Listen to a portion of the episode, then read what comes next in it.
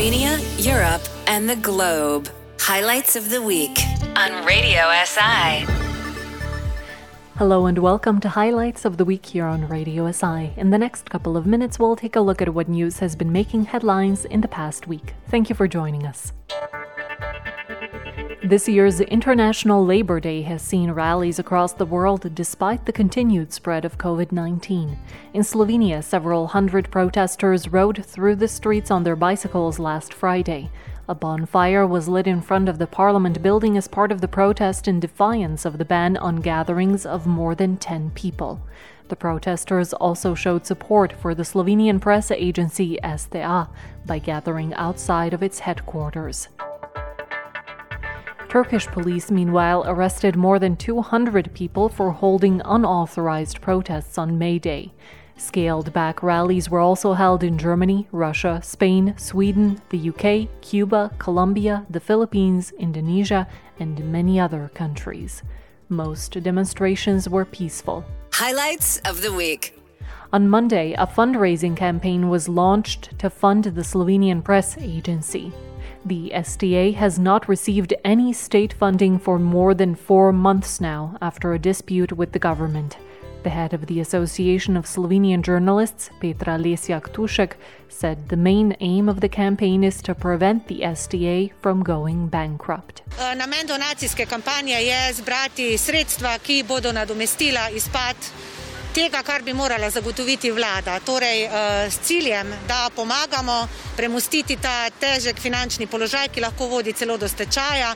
The months long campaign organized by the association hopes to raise 2 million euros for the press agency.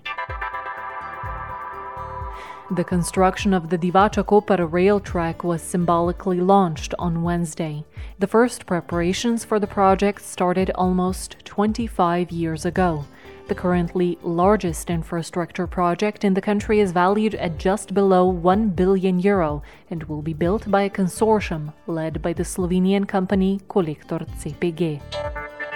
The Parliamentary Infrastructure Committee on Wednesday endorsed amendments to the Act on Road Transport that create the legal basis for transportation platforms such as Uber or Lyft. The legislation has been strongly criticized by taxi drivers who say it will lead to social dumping. The government argues the changes will facilitate the digitalization of the transport sector. Highlights of the week on Radio SI. The Matura school leaving exam also started this week. Some 17,000 students will be taking it. The general Matura started for about 6,000 students on Wednesday with an essay in their mother tongue, and the vocational Matura is to begin on May 29th. The results will be available on June 12th. Looking to news from abroad, German police this week announced they arrested three men for allegedly running one of the world's biggest online networks for sharing images of child sex abuse. A fourth man is being held in Paraguay. The international operation involving several police forces targeted a darknet platform called Boys Town, which has now been taken down. Officials say the platform had more than 400,000 registered users. Australia has resisted mounting pressure to lift the Indian travel ban imposed last week until May 15th to reduce infections in Australian quarantine facilities. Australian Prime Minister Scott Morrison. The biosecurity order is doing its job. It will run for the term that we intended it for it to run, and then that will be replaced by uh, arrangements beyond that point to ensure that we can prevent a third wave. The ban sparked wide condemnation after the government said Australians seeking to fly home could face fines and up to five years in prison. India has been hit by a huge second coronavirus wave, but its government has said the pandemic is showing signs of slowing down in some regions. Highlights of the week. Violent protests in Colombia entered into a second week.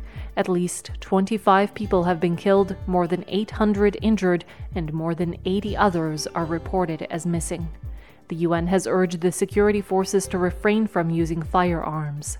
The demonstrations were initially in opposition to the tax reform that the government said was key to mitigating the country's economic crisis and has since been withdrawn. Facebook's oversight board on Wednesday ordered Facebook to rethink Donald Trump's permanent ban from Facebook and Instagram. It ordered Facebook to apply the same rules to Trump as everyone else and added We are giving Facebook six months to conduct this review. The former president was banned from both sites in January following the Capitol Hill riots. Slovenia, Europe, and the globe. Highlights of the week on Radio SI. And we're back with the second part of this week's edition. With summer fast approaching, there is increasing talk of vaccination, digital certificates, and the reopening of the tourism sector.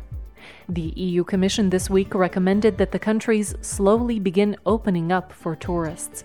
Under the plans, anyone who has received the last dose of a vaccine at least two weeks beforehand will be permitted to travel.